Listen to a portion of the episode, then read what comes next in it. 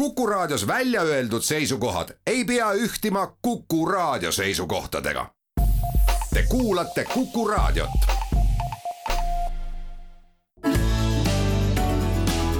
keskpäevatund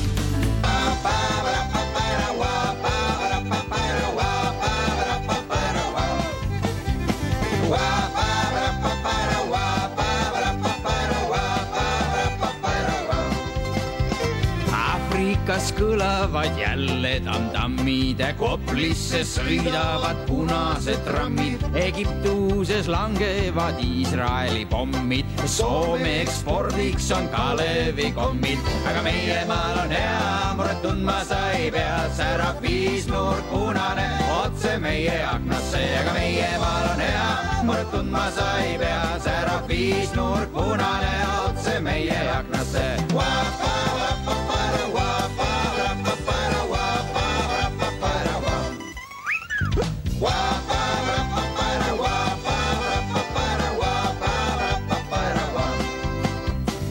Vanaema Helja Lahke näitas mulle pilte, milles räägiti, et poes oli müüdud lubjapilte. igal õhtul taevasse lendavad raketid, sõdurid said pühadeks uued jalarätid. aga meie maal on hea, muret tundma sa ei pea, särab viisnurk punane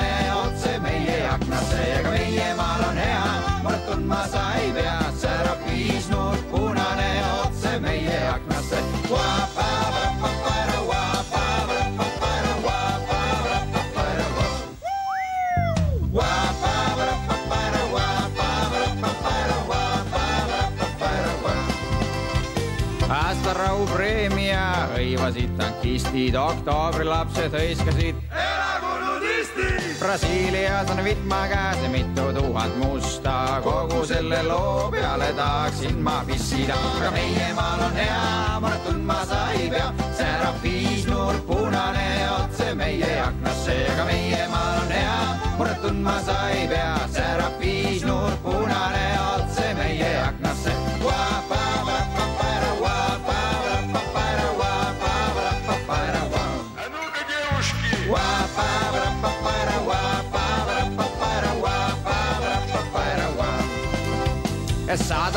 tundi ma näppisin tilli, lehm hüppas rõõmust, kui puudutas pulli. Austraalias võitlevad isamaa siilid, lahemal langevad ema pingviinid, aga meie maal on hea, muret tundma sa ei pea, särab viisnurk punane otse meie aknasse, aga meie maal on hea, muret tundma sa ei pea, särab viisnurk punane otse meie aknasse.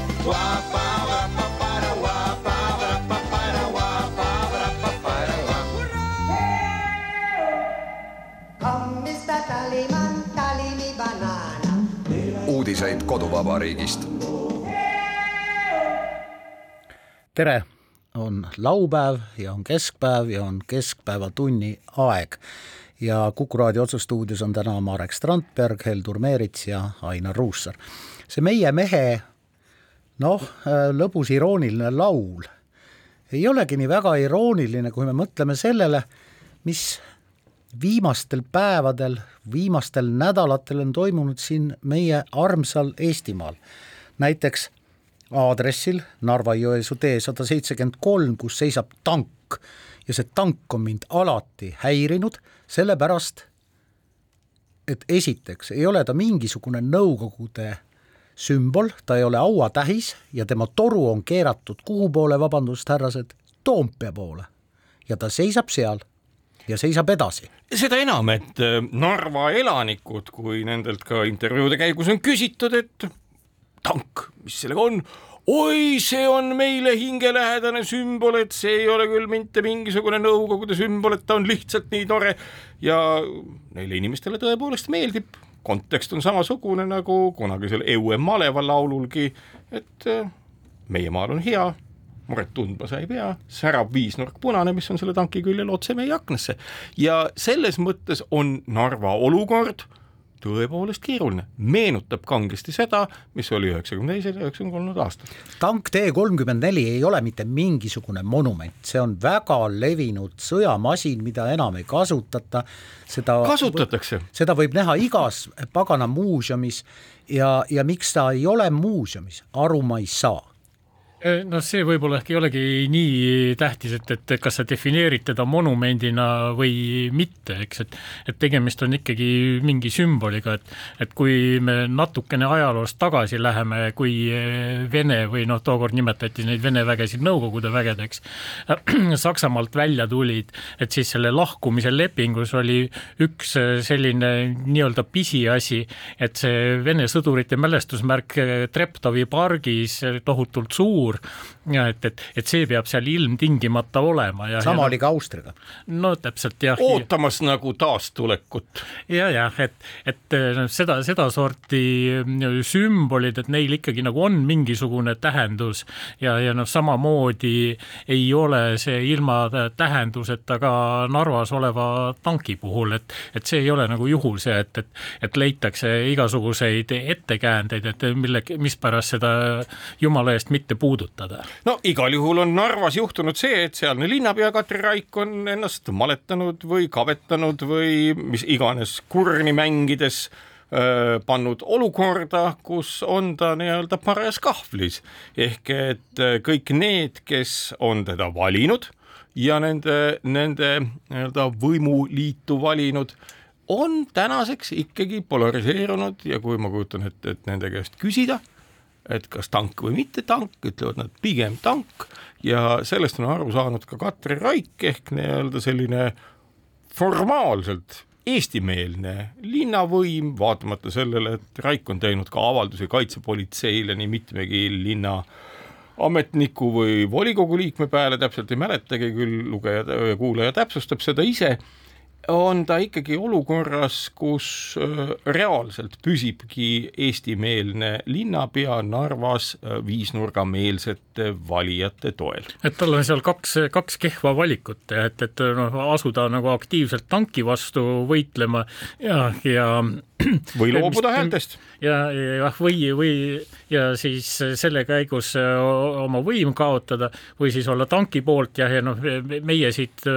just nagu publiku hulgast peaksime lootma, et, et, et tanki säilitamise hinnaga ta siis nagu suudab midagi, midagi muud teha, aga noh, ma arvan, et, et tegelikult me võiksime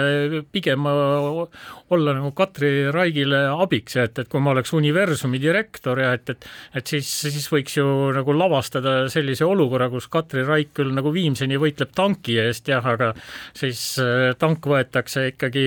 valitsuse kätega maha. no igal juhul nii-öelda mingisugune segadus seal on ja tõenäoliselt ka just, just ametisse saanud valitsuses tekitab see Narva liin ikkagi tõsiseid pingeid. no siseminister ütles äh, paar päeva tagasi Kuku raadio intervjuus, et äh, kui omavalitsus sellega hakkama ei saa, siis sekkub keskvalitsus ja ma väga loodan, sellepärast et mingit eristaatust Euroopa Liidu läänepoolseim linn, Eesti Vabariigi linn, suuruselt neljas linn, Narva ei tohi saada ja ei saagi saada. Ja ei saanud üheksakümne kolmandal aastal, kui äh, oli nii-öelda referendum, et kuulutada välja Narva ja Sillamäe vabariik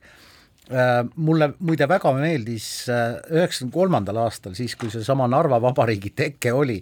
Äh, seal Narvas Eesti valitsust esindanud äh, Indrek Tarandi mõte, et kõik äh, tankireferendumi korraldajad tuleks saata sinna, kuhu ukrainlased saatsid Vene sõjalaeva et ja kui, kui seal nagu narvalased Põhja. nagu nii,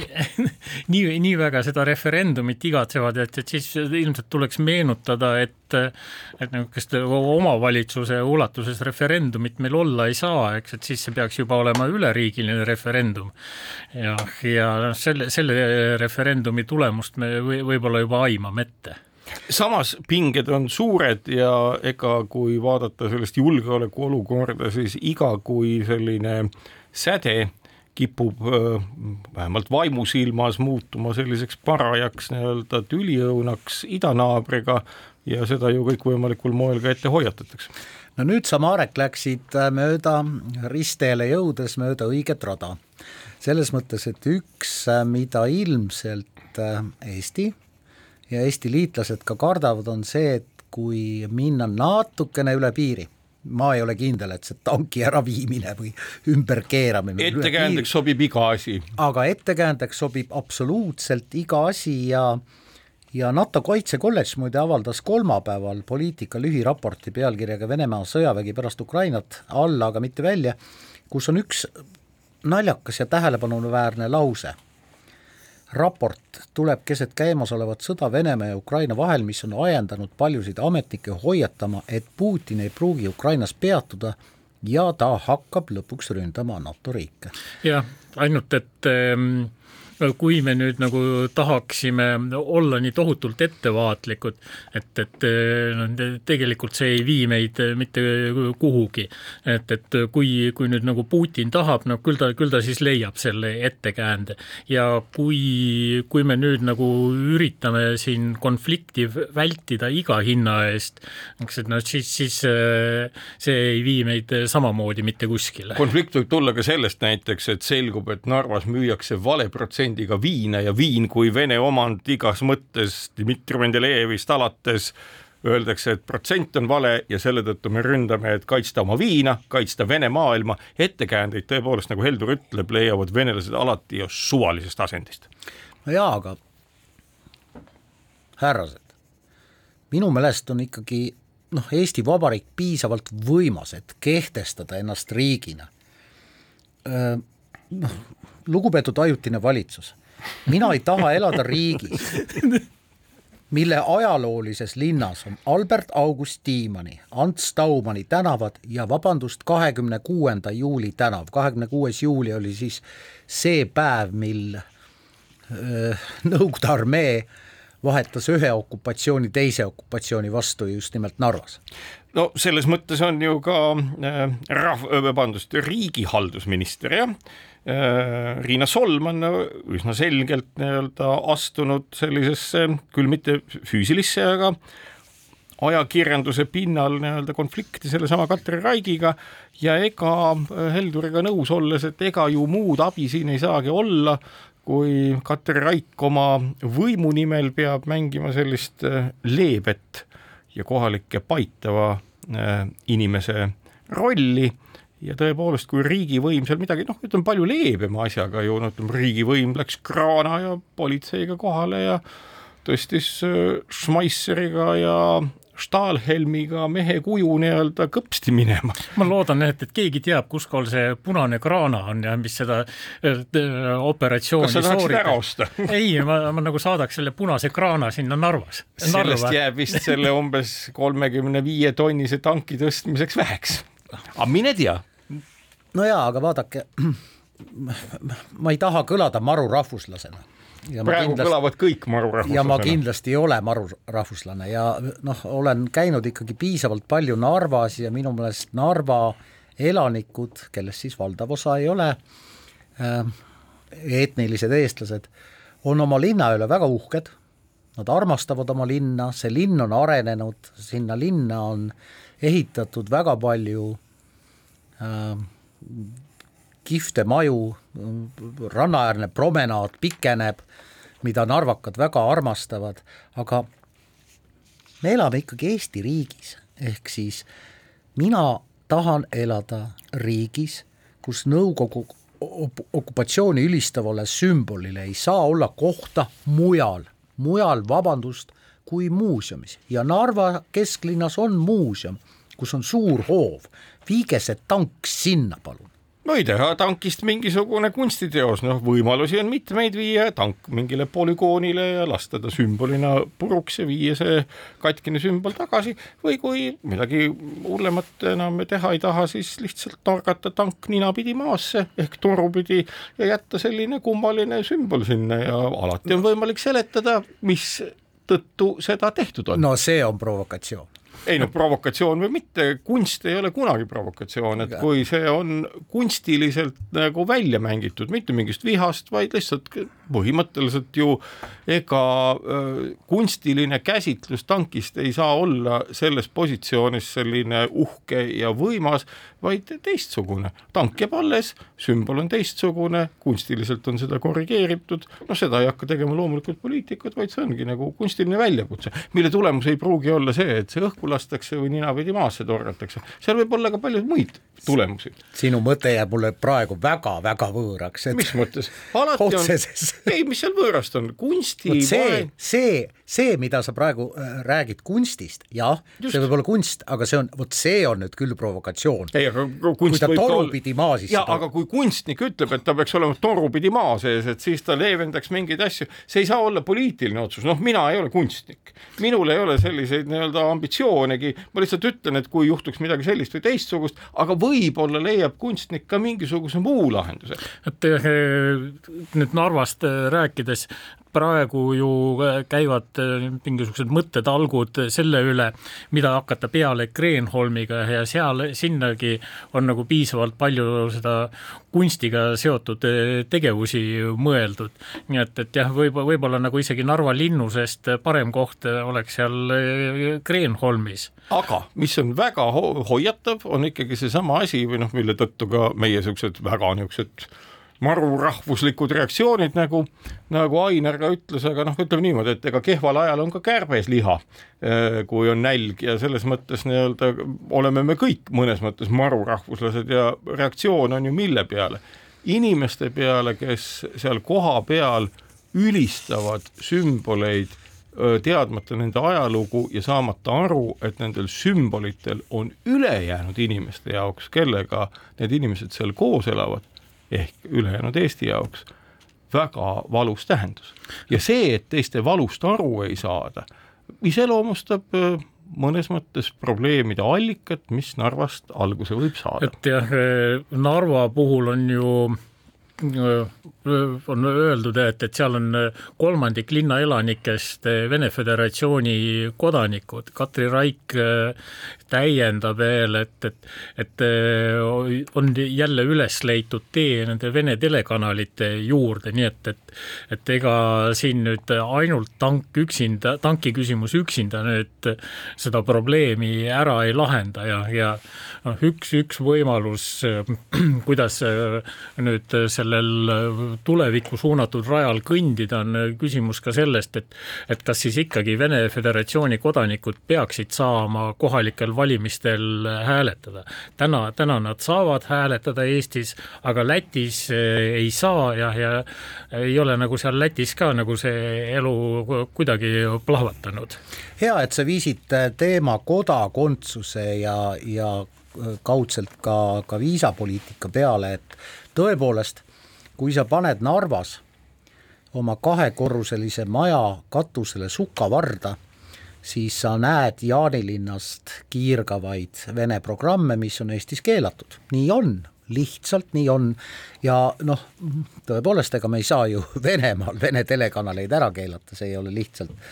võimalik. ma lihtsalt ühe asjale juhin tähelepanu, et noh, jälle enamus inimesi seda ju mõistavad, mis idanaaber meie ümbruses teeb, et idanaabril on just nagu äh,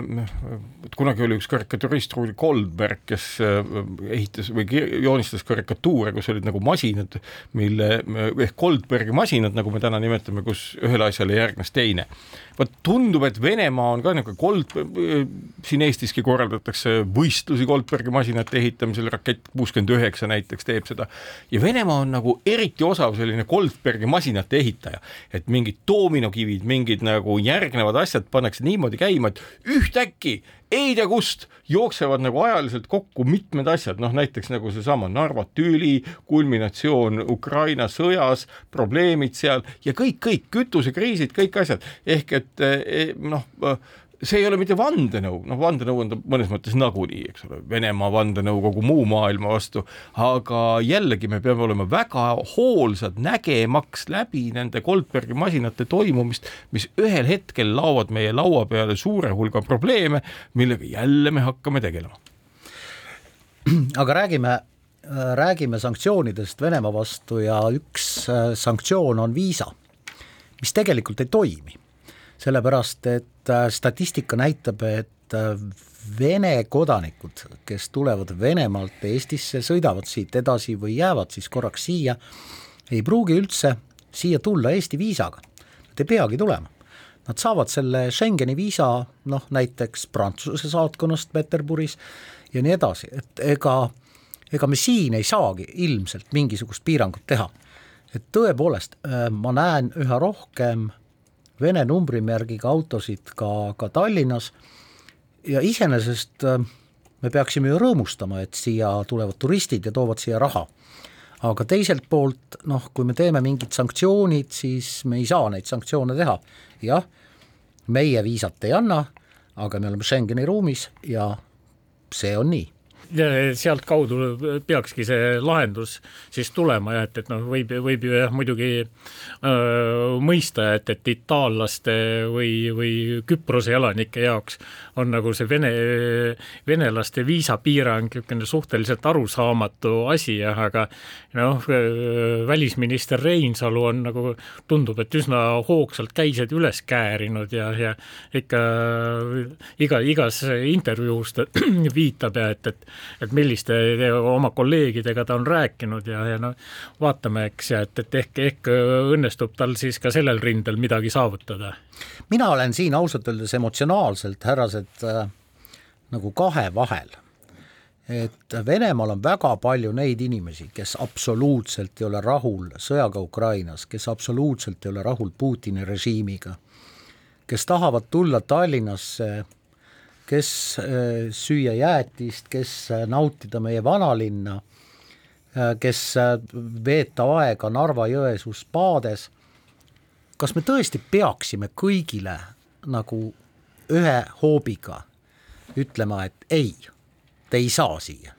ma ei ole, ma ei, ma ei ole sellega päris nõus nagu. seda on raske öelda, selles mõttes, et ega see ju sõltub põhimõtteliselt meie vastuluurevõimekusest midagi inimeste kohta kosta, kui me ei oska midagi inimeste kohta kosta, siis ühes äärmuses tõepoolest nende igasugune riiki sisenemise piiramine on päris möödapääsmatu, nii nagu tegid lääneriigid teise maailmasõja ajal Saksamaaga, ega Saksa kodanik, ta võis kas emigreeruda, milleks oli neil väga palju võimalusi aga oma riigi kodanikuna näiteks, kui ta ei olnud mingisugune diplomaat või muul põhjusel puutumatu, oleks üsna raske kolmanda riigi passiga olnud kõndida kas New Yorgi või Londoni tänavatel. Marek, ma arvan, et isegi äh, sellisel riigil nagu Iisrael puudub võimalus kontrollida kõiki araablasi, kes pühivad Jeruusalemma kohviku treppi kontrollida nende seal tausta. olukord oluliselt keerulisem ja, ja no eks nad ju, oleme ausad, tegelikkuses nende võimekus on seda kontrollida ja nad teevad seda ikkagi üsna tõhusalt võrreldes meiega, kellel meil ei ole sellist konflikti veel varem olnud. me peame õppima toimima konfliktis, konfliktis tähendab seda, et selle nii-öelda venelaste Goldbergi masina osaks võivad olla ka üsna ohutuna näivad tegevused ja isikud ja selles mõttes ega ma väga loodan, et meie vastuluure ja välisluure on osav selles osas ning oskab õigel hetkel õiged meetmed kasutusse võtta. kahjuks ei tea me sellest ju midagi no,. mina küll ei, mina jah, vabandust. ole, ole, ole jah nagu realist, eks ja et, et noh, sada kolmkümmend miljonit Vene Föderatsiooni kodanikku, noh et no võta see terve Vene maailm äh, juurde, eks noh, mingi paarisaja, ma nagu küll ei usu, et, et et kapol oleks võimalik nagu mingisuguse kahesaja miljoni inimese kohta nüüd nagu adekvaatset infot anda jah, ja noh, ma, ma nagu mõistan sind, Ainar, küll, eks, ja et, et et, et noh, viisa, selle täieliku venelaste viisakeelu puhul jääksid nagu mõned täitsa nagu mõistlikud ja toredad inimesed viisast ilma, eks jah, aga nagu see vastupidine, et, et nagu anda kõigile venelastele valimatult viisa, eks, et no,, et see siis, no, oleks veelgi hullem. aga siis jääb järgi lihtne asi, et kui tahate Venemaalt välja ja teile tundub, et see asi ei ole sobilik, siis tegelikult Vene kodakondsusega seda teha ei saa, loobuge sellest, taotlege varjupaika, nii nagu toimus Teise maailmasõja ajal. väga paljud sakslased, austerlased ja ka inimesed Itaaliast lahkusid riikidest ja ega olukord on samasugune ja me peame olema valmis selleks, et äh, nõuda ilmselt ka Euroopa Liidus täpselt samasugust hoiakut Venemaa suhtes, mismoodi veel saaks. ehk et piir on Venemaa poolt ju tõmmatud lääne ja nende vahele ainukene, kes ütleb, et no ei, seda piiri ikka nii palju ei ole, on, on lääs ise kogu oma terviklikkuses, noh, välja arvatud siin Eesti, Läti ja Leedu tõenäoliselt. ja ega see olukord ongi väga, väga pingeline ja noh, vana sentents Civis pacem, parabellum, tahame rahu, valmistugem sõjaks. jah, ma siiski loodan, et me iial ei hakka elama sellises riigis, kus äh, on Mossadi taoline salateenistus ma ilmselt olen paranoik, aga paar aastat tagasi ma maksin kaardiga Ramallas, mis on Palestiina pealinn, kakskümmend minutit hiljem olin ma Jeruusalemmas, mis on Iisraeli linn, panin sellesama kaardi pangaautomaati, et võtta raha ja pangaautomaat tegi mu kaardiga ja sõi selle ära, aga siin teeme väikese pausi. Keskpäevatund keskpäevatund jätkub, Heldur Meerits, Marek Strandberg, Ainar Ruussaar Kuku raadio otsestuudios. no me oleme ilmselt kuid ja kuid rääkinud eestikeelsele haridusele üleminekuid, me oleme tegelikult kolmkümmend aastat sellest rääkinud või natuke rohkemgi,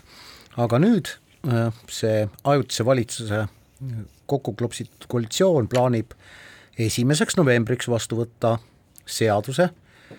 mis tähendab seda, et lasteaias ja põhikoolis minnakse üle eestikeelsele õppele. kõik äh, natukenegi haridussüsteemi tundvad inimesed ütlevad, et äh, õilis ülesanne, aga peaaegu mission impossible või noh, peaaegu võitmatu missioon, sellepärast et meil ei jätku piisavalt eesti keelt kõnelevaid õpetajaid, et minna kõigis koolides üle eesti keelele. mehed, mis me siis tegema peame? venitame jälle ja jälle ja jälle ja seesama äh, lubadus, et läheme lasteaias ja esimeses ja neljandas klassis, mitte läheme, vaid alustame lasteaiast ja esimesest ja neljandast klassist eestikeelsele õppele üleminekut kahe tuhande kahekümne neljandal aastal alustame üleminekut, see ei tähenda, tähendab mitte, mitte midagi. see tähendabki mitte midagi. Ja noh, selles mõttes on ju tore vaadata, kuidas äh, varem juba kaheksa aastat ühtekokku ju äh, haridusministri, haridusministri ametis juba varemgi Eesti Vabariiki teeninud Tõnis Lukas saabub nüüd sellise loosungiga, eks, et äh, alustame eestikeelsele haridusele üleminekut, väga, ega ma ei mäleta, mis argumendid olid tal varem, et seda kõike teha ei saanud, noh ilmselt ka koalitsioonid ja muud asjad, aga asja sisu on ju üsna lihtne, et ähm, no keel on selles mõttes nagu ju inimkultuuri niisugune möödapääsmatu niisugune osa, et kui ühel hetkel lihtsalt ei ole seda muukeelset haridust ja ongi ainult eestikeelne ja heal tasemel, et ega no laps on paindlik. lapse omapära ongi selles, et lasteaias tema aju on veel eriti paindlik võrreldes noh, vanainimestega, kelle aju enam ei ole väga paindlik. ja kui ongi ainult eesti keel, kui ongi ainult eesti kultuur, siis omandab see laps täpselt samamoodi mitmekeelsena eesti keele palju paremini. Me võime nagu oletada, et oh, et seal võib tekkida mingeid probleeme, loomulikult tekib, aga nii-öelda keele omandamise mõttes ei ole olemas mingisugust niisugust nii-öelda erilist võtete kogumit, kuidas seda asja pehmendada. ja loomulikult vanematele on ühtäkki üleminek eesti keelele, et noh, ütleme kahe aasta jooksul üldse venekeelset algharidust ei olegi, kui keegi soovib seda pidada, asutagu kultuuriautonoomia, pidagu oma koole ja, ja, ja algkoole ja lasteaedu selles keeles, selleks on Eesti Vabariigis kultuuriautonoomia seadus, aga see, mida Eesti maksumaksja kinni maksab, on eestikeelne haridus. Ja kui see on ühtäkki olemas, siis on valik kas tekib kultuuriautonoomia või nii-öelda pannakse laps eestikeelsesse lasteaeda, lepitakse sellega, et lapsele tuleb juurde keel, mida võib-olla vanemad ei oska, lepitakse sellega, et laps elab natukene teises kultuurikeskkonnas ja see ongi, et kas me nüüd nõuame, et ei, ma pean saama nui neljaks igal pool ainult vene keeles hakkama või on just nimelt lapsed need, kes õpetavad ka oma vanemad pisitasa ka need, kes aastaid ei ole vaevunud eesti keelt õppima eesti keelega toime tulema. Marekil on jumala õigus, aga ma tõlgin ühe asja siiski ära kuulajale, et kindlasti Marek ei mõelnud seda, et et siin ei tohiks olla teisi keeli ja kultuure. ei, ei, ma ütlengi, meil on selle jaoks võimalus, selleks on olemas seaduslik võimalus, selle võimaluse nimi on kultuuriautonoomia, millise raames väga paljud äh, rahvakillad Eestis oma koole peavad, aga see ei ole riigikool riik toetab kultuuriautonoomiat, kultuuriautonoomia näeb võimaluse ette, et inimesed saavad, kultuuriautonoomia on üks omavalitsemise vorme. Vene kultuuriautonoomiat Eestisse ei ole tehtud, kuna saab olla ühe rahva kultuuriautonoomia, alati kui on hakanud tekkima Vene kultuuriautonoomia alged Eesti ajaloos, on tekkinud kaks asja. sellele on tekkinud poliitiline varjund ja on tekkinud vähemalt kaks seltskonda, kes ütleb, et meie esindame Venemaad et ähm, selle Vene üle, kultuuri, vabandust. selle, selle ülemineku nagu edu sõltub sellest, et äh, kas äh, meil siis äh, leidub vene koolides ka eesti keelt väga hästi rääkivaid õpetajaid. täpselt nii. ja, ja see. ja see sõltub omakorda palgast jah, ja siin nüüd äh, minister Lukas on minu meelest nagu päris, päris realistlik jah, et, et ta, et, et ta üritab leida ka seda täiendavat lisaraha äh, vene koolis äh, töötavate õpetajate jaoks, sest ilma, ilma selle lisarahata on ikkagi nagu väga keeruline uskuda, et, et sellest asjast asja saab. võib-olla on asi teistpidi, et meil ei ole vaja mitte vene koolidesse viia viia eestikeelseid õpetajaid, vaid üsna järsul moel öelda, et vene koole Eestis ei ole. Need, keda palgatakse vene koolidesse, juhul kui need ei ole lasteaiad või algkoolid tööle, on tõlgid ja abid, kes õpetavad inimestele, kes seal õpivad, õpilastele rööbiti nii-öelda, kuidas eesti keelest aru saada ja eestikeelne kool saab valdavaks, venekeelseid koole kui selliseid enam ei ole ja see muutus peab olema järsk, selles mõttes, et ega inimene on paindlik, me peame rõhuma sellele, inimene on paindlik. jah, ainult et selle juures on ikkagi nagu see häda, et, et sul on mingisugune arv öö, õpilasi, kes nagu midagi muud peale vene keele ei oska ja meil on nagu mingisugune arv Äh, õpetajaid ka ja noh, kaasa arvatud nii äh, vene, vene keelt valdavaid kui ka siis. Äh, aga pole parata, võib-olla kooliharidus kestab siis neil, kellel ei ole alguses aru saama eesti keelest kaks aastat rohkem aga nii-öelda muutus ei saa olla selline veniv, sellepärast venivat muutust oleme me püüdnud teha kolmkümmend aastat. tulemus on null me ei ole kordagi lootnud selle peale, et laste vaimne paindlikkus on see, mille peale tugineda. me oleme olnud hästi mõistvad kõige suhtes ja see, mida me näeme, on eesti keele oskuse üsna nigel esindatus öö, vene, vene kodukeelega inimeste hulgas ja nii ongi, see on üks, nagu, see on nagu, see on nagu see, see tõdemus. üks pool on muidugi selles ja et, et keelt et, et ma, kui, kui me mõtleme, et, et keele saab selgeks üksnes koolis käies, et ma arvan, et, et see on nagu suur eksitus. ei, ei loomu, loomulikult, vastab tõele. et kogu, kogu see keskkond eh, meil peaks ka olema selline, et, et eh, sul on eesti keelt vaja ja noh, mitte ainult eh, sa ei saa seda alati nii-öelda heatahtliku veenmisega, vaid nagu sa nagu tõepoolest, et, et kui sa eesti keelt ei oska, et, et siis sul nagu jääbki, jääbki elus mingi asi saamata. no mina näiteks vene keelt keelt oskavana, noh ikka ju saad aru, et eh, see inimene, kes tuleb sinuga rääkima, küll on eesti keelt õppinud, aga ta on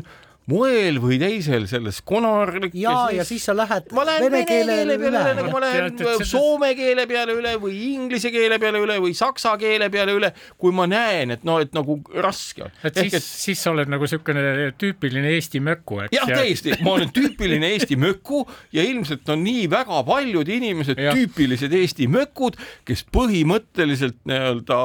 ei käitu nagu ütleme revolutsioonis küpsenud prantslased, kes osates inglise keelt vaieldamatult vaatavad sulle otsa, kui sa oled neile rääkinud midagi inglise keeles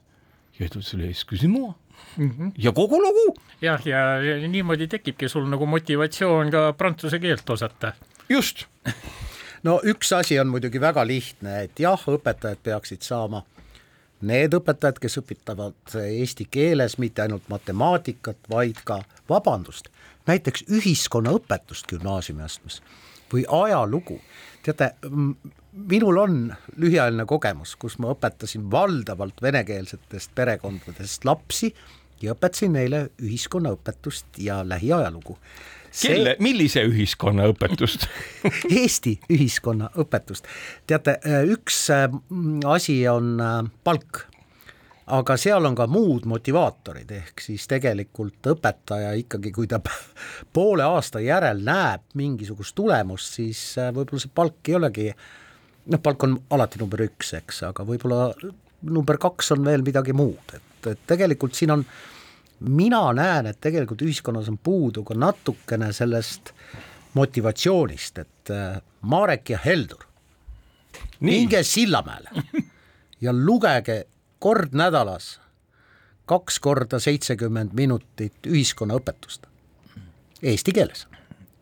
ja ei, see eesti, eesti keelega ma saaks küll hakkama, eks jah, aga et äh, mulle nagu tundub see kahtlane, et, et kui, kuivõrd hea õpetaja ma oleks, et sest et äh, hea matemaatik ei tähenda veel tingimata head matemaatikaõpetajat Äh, üks asi on nagu tänaseks päevaks selgeks saanud, et kahel valdkonnal Eesti ühiskonnas, millel on väga fundamentaalsed tähendused, üks on energeetika, millest me jõuame veel rääkida ja teine on loomulikult haridus, on olnud ülimalt suur julgeolekuline dimensioon ehk õpetajatele maksmata palgad tulevad meile täna väga kallilt kätte, nii nagu ka õigel ajal tegemata investeeringud taastuvenergeetikasse meeletute sõjaliste kuludega, mida me hakkame tegema õige pea ja teeme juba. ja selles mõttes nii-öelda keel kui julgeoleku ja kultuur kui julgeoleku aspekt, noh, saab aina rohkem kinnitust ja kontekstis õpetajate palgatõus versus relvasüsteemid, mida me täna ostame, no võiks ju siis öelda, et nende relvasüsteemide ostust mingisuguse protsendiga võiks ju tegelikult toetada ka sedasama, mida Ainer ütleb, et õpetajate palk oleks tasemel ja, ja no kui, kui nüüd nagu lihtsalt äh, liita ja lahutada neid õpetajate arve, eks, et siis, siis on nagu võiks mõelda, eks, et ühest küljest nagu eestikeelsetes koolides äh,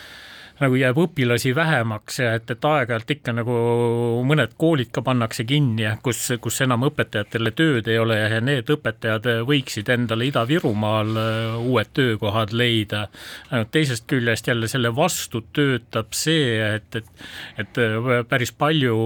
õpetajaid meil on äh, pensionieelikud või, või lausa pensioniealised, kes võib-olla ehk enam nii, nii väga sellist karjäärimuutust ei ihalda. püstitame hüpoteesi, kui õpetaja palgatase oleks näiteks kolm tuhat eurot Eestis, kolm tuhat eurot, ütleme keskmine õpetaja palgatase, kes on edukam veel rohkem, et kas meil oleks reaalselt puudu nendest, kes aplitseeruksid õpetaja ametisse, kas meil oleks puudu neist, kes sooviksid saada lisaõpetust selleks, et olla hea õpetaja ja saada mingeid lisaoskusi, ma arvan, et ei oleks. väga paljud inimesed, kes täna on nii-öelda ütleme, head matemaatikud, tõenäoliselt sellesama nii-öelda väljakutse peale testiksid ennast, kas nad oleksid ka head matemaatikud ja head õpetajad ja väga paljud inimesed, kellel on juba mingisugune nii-öelda teadmistemahukas töö, tõenäoliselt võtaksid selle väljakutse vastu, see on nii lihtne, seal ei ole vaja mingisugust nagu imetantsu tantsida ja see on puhtalt palga küsimus ja palk tänasel hetkel, kui me ütleme, et see ongi nii-öelda tuleviku õpetaja staatus, on versus sellega, millised on kaitsekulutused üsna tagasihoidlikud. hea Kuku kuulaja äh,, kaheksa aasta pärast Heldur Meerits, Marek Strandberg ja Ainar Ruussaar saavad siinsamas stuudios kokku, aasta on kaks tuhat kolmkümmend ja me ütleme jah, me oleme läinud üle eestikeelsele õppele, nii nagu ajutine valitsus on lubanud. keskpäevatund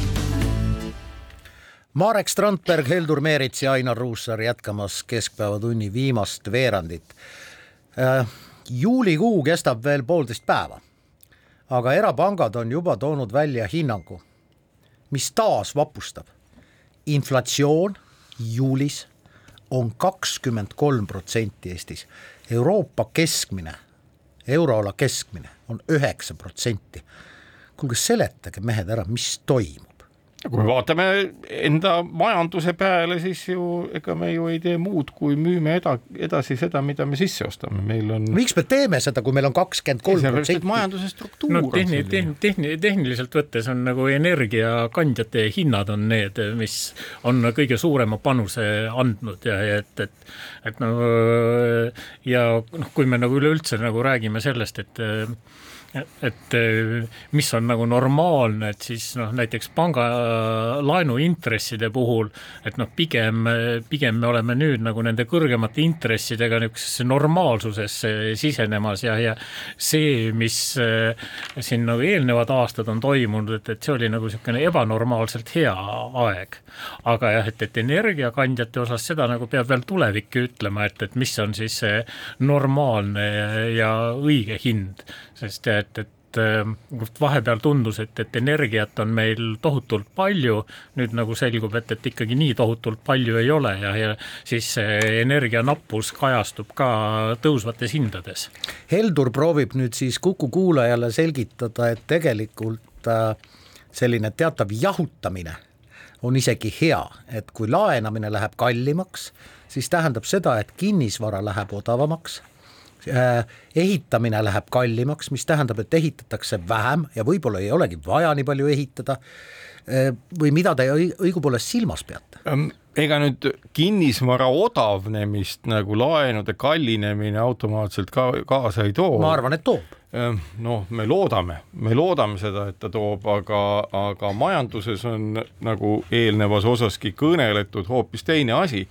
meil on jäänud terve rida olulisi investeeringuid tegemata, mis ongi nagu energeetika infrastruktuuri investeeringud. ja nende tegemata jätmine ja see udujutt, mida on aetud, miks seda ei ole kunagi kümme aastat tagasi saanud teha ja nii edasi, see maksab täna kätte, okei okay noh, ütleme, jätame selle kõrvale, et mida siis täna teha. täna ei saagi mitte midagi muud teha, kui ühtpidi Euroopa Liidust välja kaubelda suurel hulgal eriõigusi teistpidi selleks, et inimesed nii-öelda ninali ei kukuks ja me ei maksaks kinni midagi, millest meile midagi järgi ei jää, on tõepoolest rööbiti tuleb käima panna taas nii-öelda sellesama põlevkivi kasutamine, kuulake nüüd, mina ütlen seda. roheline Strandberg. ja nii edasi, aga ajutiselt ja kindla peale ajutiselt ja rööbiti tuleb hakata investeerima väga jõuliselt ja, ja poliitiliselt noh, nii-öelda ilgelt jõuliselt kõikidesse asjadesse, mis on alternatiivid. päikeseenergeetika, tuuleenergeetika, vesiniku tootmine ja see nii-öelda energeetiline transformatsioon tuleb tõenäoliselt ära teha mitte kümne aastaga või kahekümne aastaga, aga selleks on meil aega viis aastat ja kui selle aja jooksul me oleme selle ära teinud, siis ütleme ausalt, meid enam see ei koti, mida Venemaa teeb. jah, ainult et kust sa leiad lahenduse ikkagi sellele et, et mõnikord päike ei paista ja Vesinikus. mõnikord ja tuul ja vesiniku puhul, eks sa pead nagu arvestama seda, et et siin nagu need loodusseadused on natukene äh,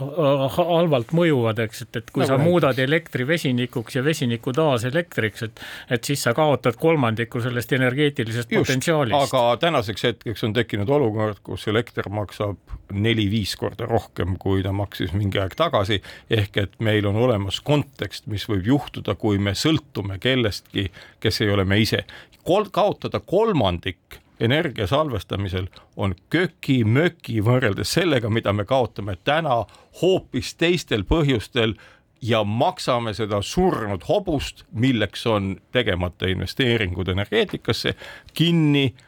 oma säästudest, oma tervise arvelt, oma laste hariduse ja tuleviku arvelt. no jaa, aga kusagil läheb ju piir, et kui mõnede tarbijate jaoks, jaoks on, on gaasi hind tõusnud seitsekümmend protsenti, kui bensiini ja, ja autokütuse hind on aastatagusega võrreldes tõusnud kaheksakümmend senti liiter ja noh, rääkimata veel teistest, teistest hindadest, elekter niisamamoodi et äh, kusagil ju läheb see loogiline piir, noh, kus tuleb mingisugune lagi ette või, või noh, ma ei tea, osa inimesi läheb tänavale mässama, osa sureb ära, osa paneb kaks paari villaseid sokke, kus see piir läheb? laristamine väheneb, selles mõttes, ega me oleme olnud mitte ainult Euroopa mastaabis, vaid maailma mastaabis üks laristavamaid rahvaid. Marek, ega sa ei hakka ju elama oma perega pimedas külmas korteris meie kliimas ei, ei seda mitte, aga nii-öelda tegelikult no nii-öelda see ületarbimine ei ole ju statistiliselt ei ole ju niimoodi, et ainult noh, üks protsent Eesti elanikkonnast tegeleks ületarbimisega ja ülejäänud oleksid nibin-nabin nagu valmis. ehk et see ületarbimine puudutab absoluutselt kõiki valdkondi ja inimesed hakkavad ilma elukvaliteeti kehvendamata, noh, ütleme niimoodi, et ega mida ka Euroopas räägitud on, ega meil keskmine toatemperatuur tänasel hetkel, talvisel ajal, ei ole mingi kaheksateist kraadi see on oluliselt rohkem, see on sätitud umbes kahekümne kahe, üldiselt sa saad keerata ise ka. ja sa saad ise keerata ja nüüd ongi see, et kui me keerame selle väiksemaks, mida on igal pool öeldud, mis tähendab seda, et noh, tõepoolest tuleb kampsun selga panna, noh, kaheksateist kraadi juures aga, aga see on nagu koht, see ei tähenda seda, et, et, et lõuad lõdisevad ja jääpurikas kasvab nina otsa. Kaugel sellest, et seesama mõni kraad kahekümne nelja pealt kaheksateistkümne kraadi peale, kuus kraadi, selle, selle temperatuuri vahega